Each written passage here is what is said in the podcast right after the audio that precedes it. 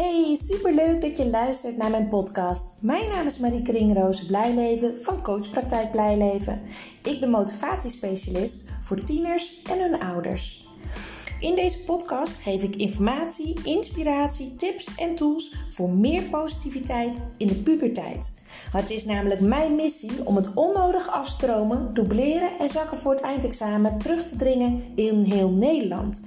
Ik weet inmiddels uit ervaring dat als het contact tussen ouder en tiener positief is, dat dat direct effect heeft op het welbevinden en de schoolresultaten van een tiener.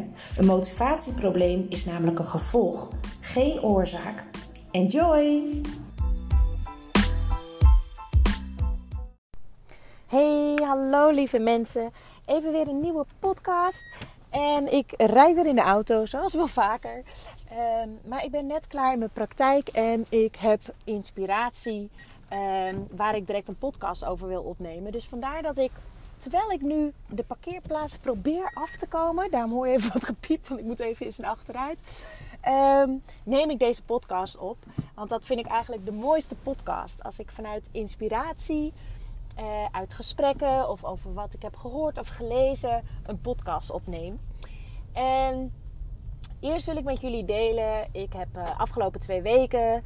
Uh, zat ik even wat minder lekker in mijn vel. Niet heel ernstig of zo, maar ehm, ja, je, op den duur heb je wel eens dat je zoveel dingen tegelijk wil aanpakken of doen in je onderneming. Of gewoon, uh, ja, kan ook gewoon privé natuurlijk zijn. In mijn geval waren het beide. En dat je daardoor het overzicht een beetje verliest en de focus verliest, waardoor je eigenlijk, zoals Kim het altijd zegt, uit alignment gaat, uit balans. En dat je een beetje zoekende bent van ja, wat is nu wijsheid om te doen? En nou is het uh, traject met, uh, met Kim Munnekom is nu afgerond. Nou ja, in ieder geval, we hebben geen live dagen meer. Nog één dag paardencoaching, maar dat was het. Um, en voordat ik bij Kim uh, in, de, uh, ja, in de mastermind ging, liep ik altijd al bij, uh, bij een andere business coach. Inge Schrier heet zij. En zij is heel erg van de praktische tools en werkt heel erg met ondernemerstypes. Zodat je, ja, als jij weet welk ondernemerstype je bent, daar kan zij je bij helpen om erachter te komen welke je bent. kan zij heel erg Ehm, ja, goed begeleiden bij wat past wel bij je en wat past niet bij je. En dat heeft mij in het verleden al sowieso onwijs geholpen. En nu ben ik dus vanmorgen, of vanmiddag moet ik zeggen, ook bij haar geweest. Omdat ik haar gewoon weer eventjes nodig had. Eén uh, op één om te weten van ja, waar doe ik goed aan. Nou kan je denken, waarom deel je dit allemaal? Deze podcast gaat over tieners. dat klopt. Ik deel het omdat ik eerder had genoemd dat ik een online programma ging ontwikkelen voor tieners. Zodat ik iedereen wel kan blijven bedienen, maar zelf ook overeind blijf staan, zeg maar. Hè? Mezelf niet voorbij loop. Toch iets in mij gaf aan. Het voelde niet helemaal goed. Er klopte iets niet. En in het gesprek met Inge.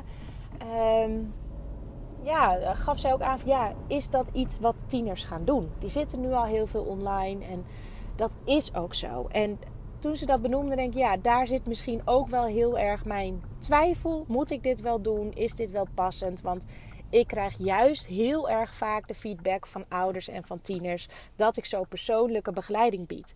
Dat het niet zo is dat ik een standaard boekje heb die ik doorloop met een tiener en dat ze dan uh, geholpen zijn. Ik kijk echt naar de tiener. Wat uh, heb jij nodig om weer uh, vooruit te kunnen op school, weer die voldoendes te halen, om minder strijd met je ouders te hebben. En wat hebben ouders ook daarvoor nodig? Nou, voor de ouders heb ik wel een standaard online programma, omdat ik daar, uh, die heb ik eigenlijk ontwikkeld doordat ik elke keer bij alle trajecten dezelfde informatie steeds aan ouders gaf.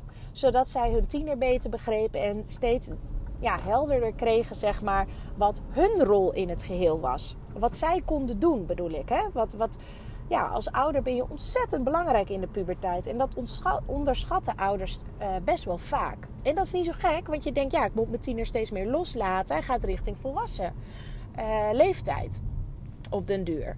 Maar uh, ja, niks is eigenlijk minder waar dan dat ze je niet nodig hebben. Dus ze hebben je echt wel nodig. Dus die informatie die ik elke keer bij elk traject opnieuw aan ouders uitlegde, heb ik gebundeld en heb ik een online programma voor, uh, van gemaakt. En die zit standaard bij een één op één traject die een tiener afneemt. Dus het is nooit een proces van alleen de tiener. Het is altijd een proces van het hele gezin. Oftewel van ouders en tiener. De ouders volgen het online programma en de tiener krijgt de één op één coaching. En als het nodig is, dan worden ouders uiteraard ook bij die één op één coaching betrokken. Um, dus vandaar dat ik dat eventjes allemaal benoemde. Ik zie toch af van het online gedeelte voor tieners. Ik ga wel het een en ander aanpassen in mijn praktijk. Uh, maar dat zal ik niet allemaal nu in deze podcast benoemen, want dat is niet relevant. Want het gaat ook een stuk over uh, wat ik met de scholen ga doen en dergelijke. Um, dus was je enthousiast geworden over een online programma voor tieners? Um, dan moet ik je nu teleurstellen. Nee, ik wil volledig achter mijn diensten en producten staan. En ik merkte dat ik dat bij het online programma voor tieners niet helemaal voelde. En om die reden heb ik er dus nu voor gekozen om die, uh, ja, om die niet te doen. Um, maar waar deze podcast over gaat, wat ik jullie wil, wil meegeven, is eigenlijk de struggle met huiswerk. Die kennen we allemaal wel. Of je tiener nou in de brugklas zit, of uh, in de examenklas, of in, in de, de voorexamenklas. Eigenlijk maakt het niet uit. We komen allemaal, lopen er wel tegenaan. En vaak als tieners naar de middelbare school gaan, de tieners die bij mij komen in mijn praktijk, zijn over het algemeen leerlingen die op de basisschool niet zoveel hebben hoeven doen. Even een beetje doorlezen en ze haalden gewoon een prima voldoende op hun toets. Als je naar de middelbare school gaat, sommige leerlingen lukt het om in klas 1, 2 en 3 nog steeds op die manier door te gaan. Maar dat zijn wel de leerlingen die, ja, die, die zich ertoe kunnen zetten om af en toe eens even in de boeken te kijken, bijvoorbeeld. Het kan dus zo zijn dat in de eerste klas opeens de ene voldoende naar de andere onvoldoende komt. Dat er wordt gedreigd met ja, als je zo doorgaat moet je blijven zitten of moet je afstromen. Zo gaat het niet lukken. Maar dit helpt allemaal niet. Dit weet die tiener zelf ook namelijk wel. Die tiener weet echt wel dat hij vol aan de bak moet. Alleen het lukt hem niet. En daar zit de grote frustratie. En meiden, die willen zich nog wel eens vastbijten in de lesstof. En die gaan door totdat ze het onder de knie hebben. Die stellen vragen, die, die roepen hulp in. En die redden het uiteindelijk wel. In de meeste gevallen, hè. De jongens, als zij niet weten hoe ze moeten aanpakken, of het lukt hun niet om, ja, om, om, om zich ertoe te zetten, om überhaupt hun boeken open te slaan, om iets aan het huiswerk te doen. Uh, misschien weten ze niet eens wat het huiswerk is. Misschien vergeten ze gewoon in Magister of Som Today te kijken. Of zien ze dingen over het hoofd. Het kan van alles zijn. En deze jongens, die halen hun schouders op en gaan gewoon naar buiten of gaan gamen of wat dan ook. Die doen alsof het hun niks boeit. Tot grote frustratie van de ouders. Want ouders hebben zoiets, ja, het interesseert hem niks, het boeit hem niks. En wat ga je dan doen als ouder? Je wil contact krijgen. Dan ga je soms dingen zeggen die je eigenlijk niet moet zeggen. Ook niet wil zeggen. Want als wij contact willen krijgen en het lukt ons niet, kunnen we best wel kwetsende dingen zeggen. Kunnen we zeggen, nou weet je, zoek het uit. Of stik er maar in. Of dan blijf je toch lekker zitten. Of dan ga je toch een niveau omlaag. Um, maar dat is allemaal onmacht. Je wil helpen als ouder, maar je kind doet het niet. Die haalt zijn schouders op en stelt uit, stelt uit, stelt uit. Ik doe het straks, ik doe het straks, ik doe het straks. En sommige ouders willen dan continu redden. dat heb ik al eerder genoemd in podcast. Vooral moeders hebben daar een handje van. Dan gaan we wel even helpen met dat ene verslag. Zodat toch nog de cijfers een beetje worden opgehaald. Want we kunnen niet aanzien dat onze tiener alleen maar onvoldoendes terugkrijgt. En ik moet eerlijk zeggen, het valt mij ook op, helemaal nu tijdens de coronacrisis, dat er heel veel bij de ouders terechtkomt. Dat is één. Maar twee, ook dat er niet heel veel persoonlijke begeleiding is vanuit de school richting de tieners die niet lekker gaan, die onvoldoendes halen. Ik ben er namelijk van overtuigd, want ik zie het keer op keer. Nou, ik heb echt al honderden leerlingen uh, geholpen inmiddels afgelopen jaren. Ze willen allemaal, maar ze krijgen het niet voor elkaar. Ze willen geen onvoldoende halen. Zij willen scoren. Zij willen uh, door mogen naar het volgende schooljaar. Zij willen echt. Dus geen motivatie is niet de enige reden. Ze hebben wel motivatie om, ehm, om het te doen. Alleen ze weten niet hoe ze het voor elkaar moeten krijgen. En daar zit een essentieel verschil. Dus wat doen ze? Ze gaan alleen nog maar de leuke dingen doen. Want daarover hoeven ze verder niet na te denken. Dat kunnen ze al. Want als je niet weet hoe je iets aan moet pakken, hoe kan je er dan in vredesnaam mee, gaan, mee beginnen? Dat lukt toch helemaal niet? Dat is onmogelijk. En op den duur, als dus ouders en de tiener het idee hebben van ja, uh, het, het, boeit hem allemaal, of eh, de docenten en de ouders, uh, het idee van ja, het boeit hem allemaal niet en uh, hè, we, we, laten maar los, want we weten het niet meer. Dan krijgt de tiener alleen nog maar negatieve aandacht. Hè? Op school, maar ook thuis. En wat ga je dan doen? Dan ga je de positiviteit opzoeken. En waar vind je de positiviteit? Die vind je bij je vrienden. Die vind je op straat. Die vind je tijdens het gamen. Want in het gamen krijg je namelijk elke keer weer een nieuwe kans. Je wordt elke keer beter. Sterker nog, ze gamen vaak zoveel dat ze er ook gewoon hartstikke goed in zijn. En dat stimuleert en dat motiveert. Dus wat deze tieners nodig hebben, is een positieve stimulans en tips en tools, zodat zij hun motivatie om het voor elkaar te krijgen in kunnen zetten. Zodat ze weten wat ze dan kunnen doen om het voor elkaar te krijgen. Heel eenvoudig iets. Heel veel tieners geven aan in gesprekken bij mij: ik word steeds afgeleid door mijn mobiel.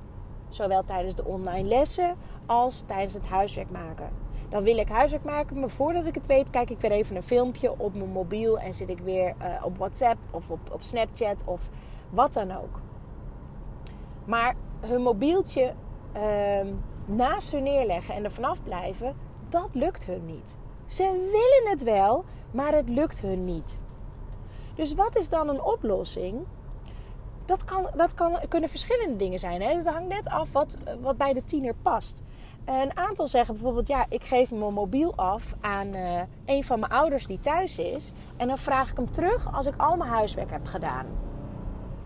Die afspraak moet ik het overigens wel altijd even terugkoppelen aan de ouders, want anders doen ze het vaak niet. Maar ze bedenken hem zelf. Ik kom er niet mee. Ze bedenken hem zelf. Ze weten dat dat nodig is.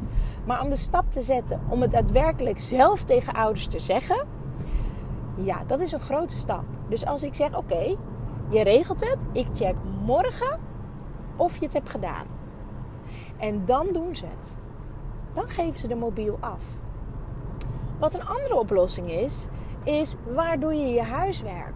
Doe je dat inderdaad in je kamer waar volop afleiding is en dingen om mee te friemelen of, of, of hè, wat dan ook? Of ga je beneden zitten aan een keukentafel. Waar totaal geen afleiding is. Of in een kamer waar, waar helemaal niks anders is. Een werkkamer van een van je ouders of iets dergelijks. En wat ook veel voorkomt, is dat tieners aangeven: ja, jeetje, ik heb nou een online schooldag gehad. Ik ben echt die schermpjes helemaal beu. Ik ga eerst even lekker naar buiten met vrienden. En daarna ga ik wel mijn huiswerk doen. Mijn huiswerk doe ik wel vanavond. En wij snappen dat ook natuurlijk als ouders. Ik snap dat ook. Alleen het is niet verstandig. Tuurlijk kunnen ze wel heel even naar buiten, maar dan even in de tuin of iets dergelijks. Het is wijsheid om eerst te doen wat er moet gebeuren. Dus eerst je huiswerk te doen. Als dat klaar is, dan kan je met vrienden afspreken of naar buiten of sporten of gamen of whatever. Dan kan je namelijk echt volledig ontspannen als je iets voor jezelf gaat doen. Anders heb je elke keer een stemmetje in je achterhoofd dat je nog huiswerk moet doen. En geloof mij, s'avonds na het eten heb je daar maar geen zin in. Dan stel je uit, stel je uit. En als jij er klaar voor bent en je snapt iets niet, dan zijn je ouders een beetje klaar met jou of met het uitstelgedrag. En zij hebben ja, weet je, jouw kans is al voorbij. Ik uh, wilde na het eten helpen, dat wilde je niet. En nu wil ik niet. Of je gaat als ouder over je eigen grenzen heen, omdat je het toch wel sneu vindt en blij, vindt, blij bent dat hij eindelijk bij je komt om hulp te vragen. Dat laatste is een valkuil, lieve ouders. Echt waar. Want je helpt je kind niet door hem te gaan redden. Je kan wel helpen opstarten, maar zij moeten zelf aan de bak als zij te laat beginnen. Doen ze dat niet, dan moeten ze op de blaren zitten. Dan gaan ze het namelijk voeden. En het is niet zo dat ze van onvoldoendes krijgen automatisch pijn voelen en dat ze het de volgende keer anders gaan doen. Want die onvoldoendes komen 9 van de 10 keer voort uit niet weten hoe ze het aan moeten pakken. Niet weten hoe ze efficiënt kunnen plannen.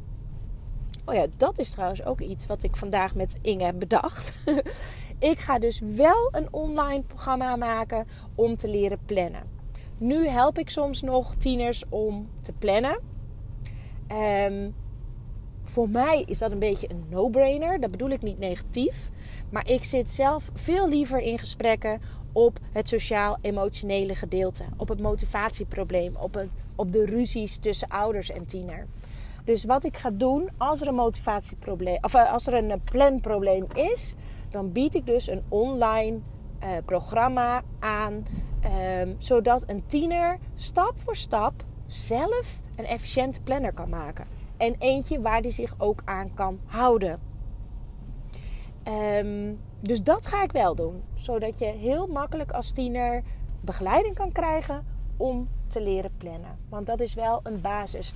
ik hoor heel vaak, ik kan wel plannen, maar ik hou me er niet aan. Dat betekent dat je planning niet voldoet aan de eisen, zodat die efficiënt genoeg is. Dan plan je waarschijnlijk niet op exacte tijden in. Of je plant wel de vakken in, maar niet wat je precies welk moment gaat leren van dat ene vak.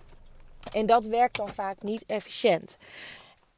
Um, ook vergeten ze vaak hun schooltijden erin te zetten. Of uh, een verjaardag of een voetbaltraining of iets dergelijks. Dus daar komt een online programma voor. Die ga ik op zeer korte termijn ga ik die ontwikkelen. En als je daar belangstelling voor hebt, laat het mij weten. Dan uh, zet ik je op een uh, lijstje belangstellenden. Stuur me even een DM. Uh, dus een persoonlijk berichtje. Of een appje of een mailtje of, wat dan ook. Dan uh, zorg ik dat je daar informatie over krijgt. Of haal gewoon mijn social media in de gaten. of mijn website. Want daar komt het allemaal uiteraard op te staan. Mijn streven is om het nog deze maand voor elkaar te krijgen. Maar anders uiterlijk in april.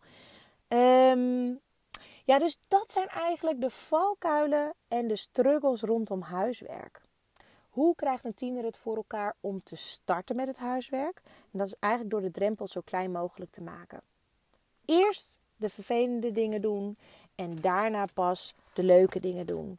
Zoek een plek waar geen afleiding is. Zorg voor een efficiënte planning en overzicht. Een vast moment in de week waarop je samen of de tiener alleen in Magister of Som Today gaat kijken. Soms kan het helpen om dat op één A4'tje over te schrijven. Want een agenda hebben ze allemaal tegenwoordig niet meer. Een papieren agenda. Maar dat je dus in één overzicht hebt staan. Ik ben zelf ook fan van een planposter. En die kan je bestellen via uh, posterindeklas.nl. En nee, ik heb geen aandelen. maar dat is een geplastificeerde poster. Een grote poster van A1 formaat. Uh, met een stift erbij. En dan kan je dus een maandoverzicht maken. Wanneer de schriftelijke overhoring is, proefwerk is enzovoort. Een blik daarop en je weet wat er allemaal aan zit te komen. Want de valkuil waar tieners heel vaak intrappen, is dat ze één dag van tevoren kijken: wat is mijn huiswerk voor de volgende dag? Als ze dat al doen. Want dat vergeten ze ook vaak. Dus ik hoop dat je hier wat uh, tips en tools uit hebt kunnen halen. Dat het herkenbaar is geweest. Uh, daar, ga ik eigenlijk, daar heb ik geen twijfel over. Want dit hoor ik zo ontzettend veel. En dan ook helemaal de ruzies en de strijd die je dan krijgt met je tiener. Zodra je uh, vraagt of hij nou aan zijn huiswerk gaat beginnen. De eerste keer gaat nog, de tweede keer misschien ook nog, een derde keer krijg je een grote mond. En houd toch eens op met dat gezeur, laat me toch met rust. En, uh, of ze zeggen gewoon dat ze het hebben gedaan wat niet zo is en dan zie je het opeens in de cijfers terug. Het is een struggle uh, van alle ouders, kan ik je vertellen. alle ouders die mijn podcast luisteren, laat ik het even zo zeggen. Want ouders die niet struggelen met hun tiener, die zullen deze podcast ook niet luisteren. Um, dus daar ben je absoluut niet de enige in. En ik wens het eigenlijk, ik hoop dat scholen ook gaan inzien dat ze hun ook echt een taakje bij hebben. Als er een onvoldoende is gehaald, dat ze met de tiener gaan kijken wat is de oorzaak van die onvoldoende. En hoe kan jij uh, de volgende keer anders voorbereiden voor de toetsen dat het je wel lukt. Want ik begrijp van heel veel tieners dat er toetsen helemaal niet meer worden besproken nu online. Ja, en dat kan natuurlijk niet. Want dan leren kinderen ook niet van de toetsen die ze hebben gemaakt. En al helemaal niet als ze ze niet goed hebben gemaakt. En dan blijft het zo doorgaan. En dat is het laatste wat we willen natuurlijk. Oké, lieve ouders, ik rond hem weer af. Ik wens jullie een hele fijne dag en ik spreek jullie vrijdag weer.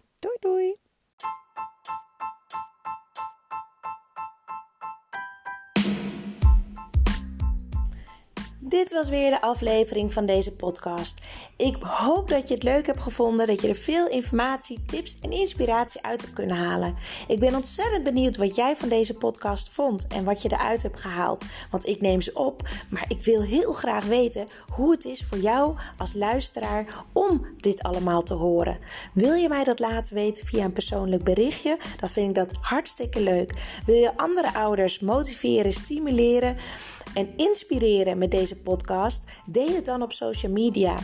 En wil je mij contacten? Dat kan via www.coachpraktijkblijleven.nl.